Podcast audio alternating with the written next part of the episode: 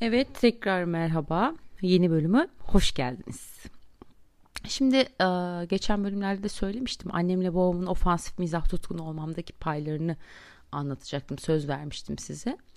Bu bölüme kısmetmiş. E, o zaman başlayalım bakalım. Şimdi ben de isterdim herkes gibi aşırı duyarlı bir insan olmayı. Yani çiçeğe, böceğe, dağa, taşa falan duyar kasmayı çok isterdim. Ya bakmayın siz mizacım da uygun. Ya duygusal bir insanım ben. Ama yetiştiğim aile duyarlı olmayı mümkün kılacak bir aile değil. Yani o ortama Greta Thunberg'i koy. Kadıköy'de kedilerin kuyruklarına teneke bağlar. Vapurda gördüğü yunusların kafasına çay bardağı atar. Antalya'da tatile gittiğinde otel bilekliğinden karetta karettalara tasma yapardı.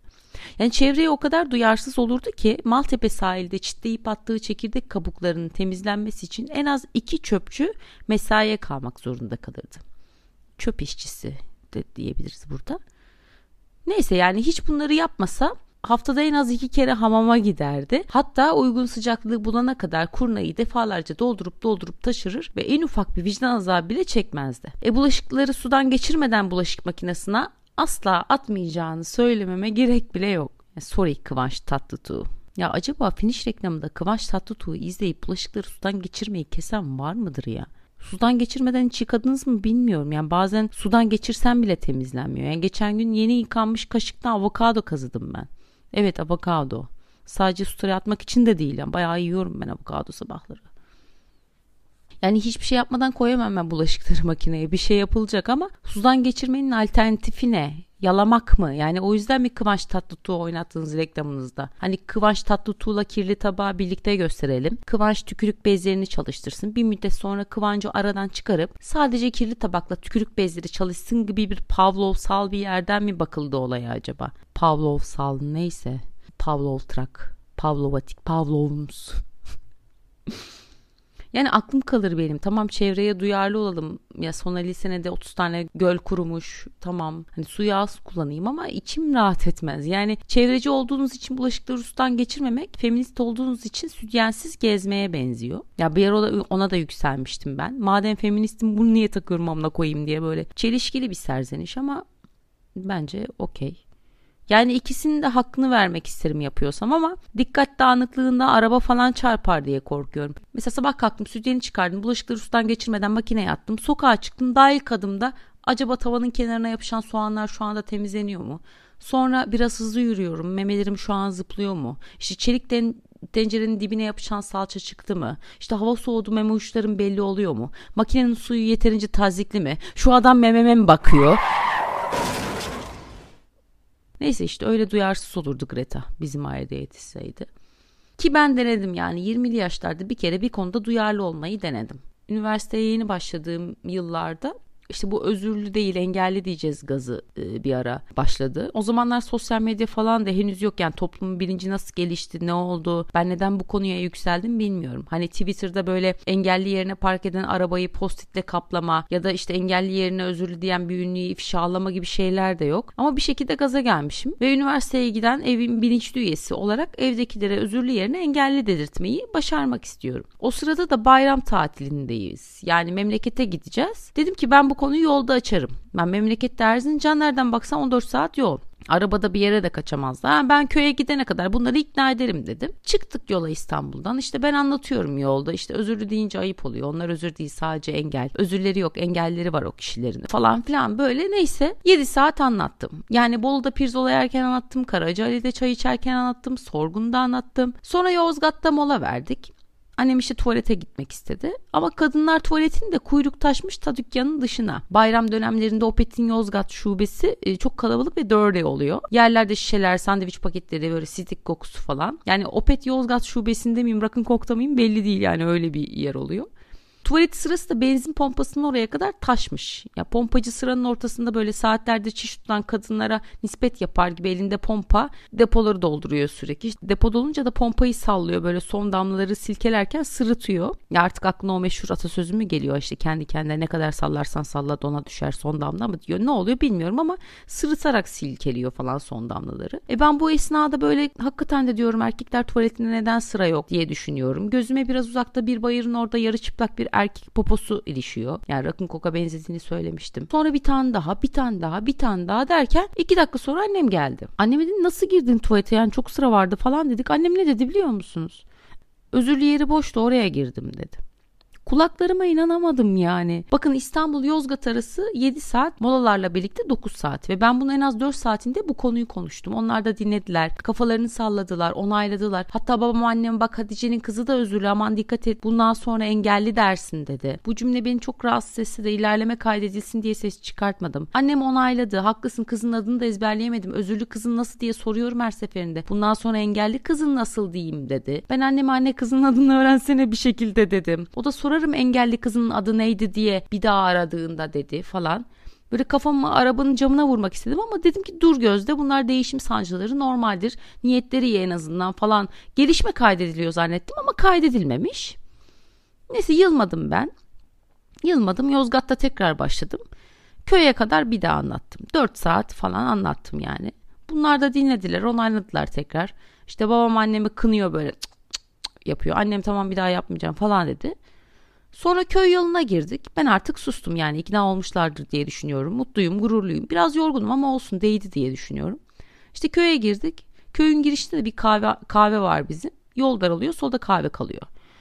Sonra babam kahvenin önünde durdu. Pencereyi açtı. İşte çaycıya selam verdi. O da ona selam verdi. Sonra babam çaycıya Kör Mehmet nerede dedi. Çaycı Topal Hasan'ın tarlasına gittiler dedi. Babam sağ ol dedi. Pencereyi kapadı. Bize dönerek ben Topal Hasan'ı bir arayayım dedi. 10 saniye çaldırdı. Topal Hasan açtı. Konuştular. Babam telefonu kapadı. Anneme döndü. Bu Topal Hasan'ın ablası ölmüştü. Başsağlığı diledim mi dedi. Annem aa Sağır Aysel ne zaman öldü dedi. Babam anneme detayları anlatırken bir yandan eve doğru arabayı sürmeye devam etti. İşte ben o gün o asfaltsız köy yolunda eve doğru sallana sallana ilerlerken duyarlı olmaya tövbe ettim arkadaşlar. Hele çevre kirliliğiymiş, nesli tükenen siyah batı gergedanıymış, global warmingmiş falan yani yanlış anlaşılmasın içten içe üzülürüm tabii de çığırtkanlığını yapamam. Travmam var benim yani. Ki en büyük çığırtkanların bile ne mal olduğunu biliyoruz. Leonardo önce kendi uçak masrafını azaltsın. Greta da Atatürk'e dil uzatmamayı öğrensin. Hitler'miş. Baban Hitler. Ama feministim. Yani son 10 senedir falan baya baya feministim aslında. Yani feministliğimi erteleyen şey de muhtemelen mühendislik fakültesindeki yıllarımdı. Ya bugün feminist örgütlerindeki arkadaşlar zamanda mühendislik fakültelerinde okusalardı feminist olamazlardı dersem ağzıma sıçarlar. O yüzden geç feminist olurlardı diyeceğim. Yani her Allah'ın günü böyle suratına beni kullan diye yalvararak bakan adamlar varken nasıl feminist olacaksın? Yani ağzının içine bakıyorlar bir şey dese de yapsam. Özellikle Anadolu'dan gelenler nasıl kibarlar, nasıl nazikler. Trabzonlu bir çocuk vardı. Dersten çıkıyordum mesela. Tostum, ayranım hazır böyle elinde bekliyor. Ve tost soğumasın diye de ders bitişine 7 dakika kala girmiş sıraya. Öyle almış çıkmış öyle yani. Öyle de Başak Burcu. Çok naziksin Erdal diyordum. Biz Trabzonlular hep böyleyiz diyordu. Sanki az önce okula gelirken otobüste götümü mıncıklayan adam Trabzonlu değilmiş gibi. Yani götümü ellemek bahanesi olarak Trabzonspor atkısını kullandı da oradan biliyorum. Hiç üşenmedi o atkıyı 7 kere düşürdük 7 kere aldı. Ama çok düşünceliler gerçekten yani göt ellemeyi mantıklı bir sebebe bağlamaya çalışmaları. Hani bizi rencide etmeden götlerimizi elleme çabaları falan hakikaten takdire şayan. Ya mesela lisede de genelde fren bahanesiyle taciz ediliyordum. Bilen bilir böyle Vatan Caddesi'nin bir alt paralelinde Millet Caddesi var. İşte her sabah orada acayip bir dur kalka giriyoruz otobüste. Ve nasıl bir eziyet? Yani o o nasıl bir eziyet? Yani sürekli tetikteyim. Sürekli arkama bakıyorum. Ne zaman fırtlanacağım diye bekliyorum böyle. Geriliyorum, geriliyorum. Barney Stinson'ın Marshall'dan tokat beklemesi gibi arkamdaki beni ne zaman avuçlayacak diye habire kortizol salgılıyorum. Hatta bazen o, o stres o kadar dayanılmaz oluyor ki. Yani o bekleyiş beni daha çok yıprattığı için arkamda kim varsa böyle elini alıp kendi götüme başıma süresim geliyor. Hani bir kere ellesin de rahatlasın yani o da rahatlasın. Ben de bitsin bu işkence yani diye. Ama tabii erkekler her işte olduğu gibi bu konuda da özensiz ve acemiler. Dünyanın en bariz numaralarını yapıyorlar. İşte ay önünüzdeki direğe tutunacaktım ayağım kaydı. Vay efendim fren yapınca bacağım çantanıza dolandı. Arif Erdem gibi yalandan bir yere takılıp düşüp acı içinde kıvranmalar. E sen de biliyorsun ben de beni ellemek için düşme numarası yaptığını. Tam düşüyormuş da tutunmuş da bilmem ne. E sağ tarafında kocaman tutma demiri var. Benden niye tutunuyorsun? Benim bel hizamda çıkıntılı bir uzvum yok ki. Yani anatomik olarak oramda tutunacak bir şey yok. Şey mi diyeceğim zavallı adam düşmemek için klitorisimden tuttu işte ne yapsın mı diyeceğim yani. Mememden tutsa hadi neyse. Ki otobüste mememi elleyen teyzeler de oldu benim. Çünkü teyzeler öyle. Yani artık böyle hani ben bu toplum için üç tane çocuk büyüttüm. Toplum bana sahip çıkmak zorunda gibi bir duygudan mıdır nedir? Kamusal alanlarda ya da toplu taşımada falan sıfır öz çaba. Yani otobüse bindim hani bu alet her an fren yapabilir. Bir yere tutunayım yok. Düşecek gibi olunca illa biri beni tutar diye bir yere tutunma ihtiyacı hissetmiyorlar ve gerçekten de tutuyoruz teyzeleri. Artık toplum bilinci mi, sezgiler mi, öf mü, anane mi nedendir tutuyoruz yani. Fakat bazen nadiren de olsa yere düşüyorlar ve düşünce de kendilerini kaldıramıyorlar. Böyle hacı yatmaz gibi sağa sola sallanıyorlar. Yani enerjinin korunumu kanununu canlı canlı gözlemliyorsun böyle teyze sallanırken. Bir sağa bir sola bir sağa bir, bir sola bir müddet sonra tabii kaldırman lazım ama o ataleti nasıl bertaraf edeceksin? Önce teyzenin sallanma frekansına kendine eşitleyeceksin. Sonra kolunu tutacaksın. Bir, bir müddet onunla sallanacaksın. En son müthiş bir hamleyle teyzenin ataletini yenip kaldıracaksın falan. Gene bize patlıyor yani. İşte bir kere de teyze otobüsün duracak düğmesine basacak diye meme ucuma bastı.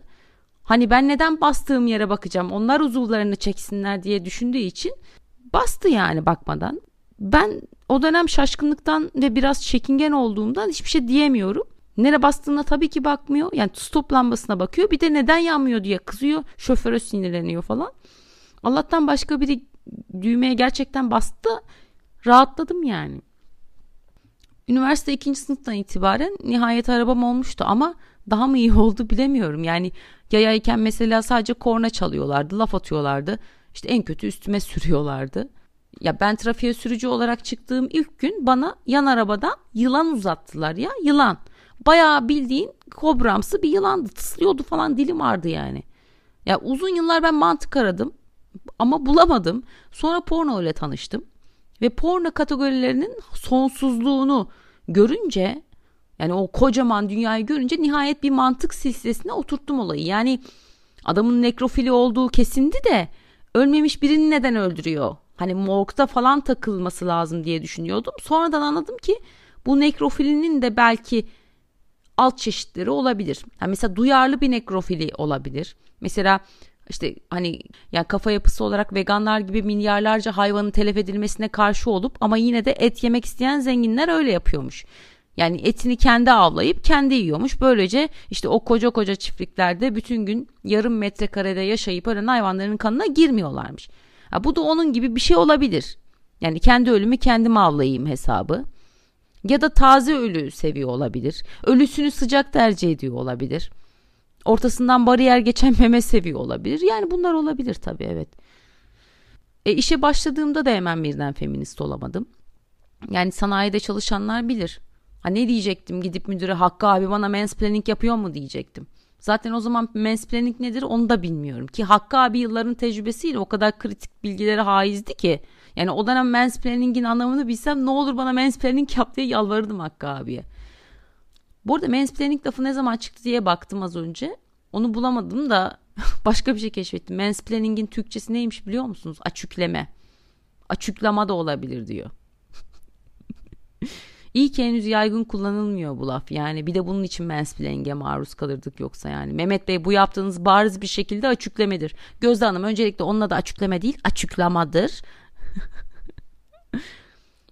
Zaten açıklama bir yemek çeşidimiş gibi geliyor kulağa yani. Ataerkil değil de anaerkil bir dünyada olsaydı yemekhanelerde ana yemek olarak kadın budu köfte yerine açıklama çıkardı gibi. Hani kadınlar böyle bir dünyada diyet yapmayacakları için hapur hapur afiyette yerlerde herhalde. Ya da Türkiye'nin her yerinde yuvalama olarak bilinen şey İzmir'de kesin açıkleme olarak bilinirdi. Anaerkil düzende bile İzmir en çok feminist barındıran ilimiz olurdu diye düşünüyorum. Yani evet Hakkı abi yani zaten Hakkı abi iş yerindeki arkadaşım Pınar'dan yeterince çekti yani bir de bir de ben üstüne gidemezdim. Ya Pınar diyordum şu kapıdan çıkalım ben de feministim. İş yerinde yaşamana gerek yok feministliğini diyordum. Yok illa bağırarak ped isteyeceğim. Yani Mavi Yaka ile birlikte oturduğumuz masanın bir ucundan öbür ucuna bağırarak bir kızdan bir gün ped istedi. Hakkı abi kadın budu köfte yiyordu boğazında kaldı. Ya Hakkı abinin boğazında orman kebabı ya da başka bir şey de kalabilirdi ama kadın budu kaldı. Ümitlere inanan bir insan olsaydım o gün yemekhanede kadın budu köfte çıkmasını ve aynı gün Pınar'ın regle olmasını sağlayan gücü bir şekilde Amazonlara falan bağlardım mesela.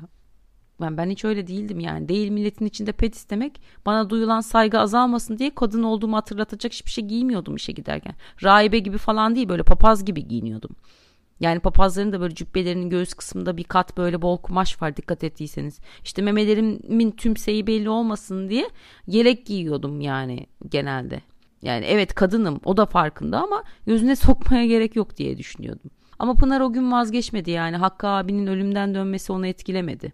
Ya pedi bulmuştu fakat istediği marka olmadığı için bu sefer de kalitesinden şüphelenmiş olacak ki gene Hakkı abinin sigara molası verdiği duvarın yanında arkamızda duran Aynur'a arkamda kan var mı diye bağırdı.